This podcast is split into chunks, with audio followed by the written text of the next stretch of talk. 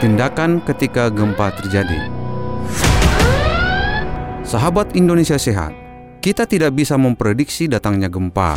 Saat terjadi gempa, tetaplah untuk tenang.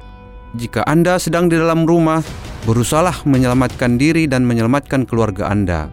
Bila tidak sempat keluar rumah, berlindunglah di bawah meja agar tubuh tidak terkena bila ada benda-benda yang berjatuhan.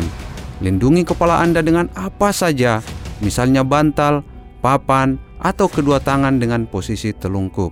Jika Anda di dalam gedung, merunduk dan lindungilah kepala Anda, lalu bergerak menjauh dari gedung dan tiang menuju daerah terbuka.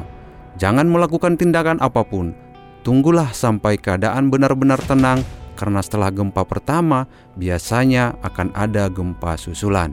Informasi ini disampaikan oleh Unimax Power, produsen Bioaktiva, Bio7, Bio Moringa, dan M King.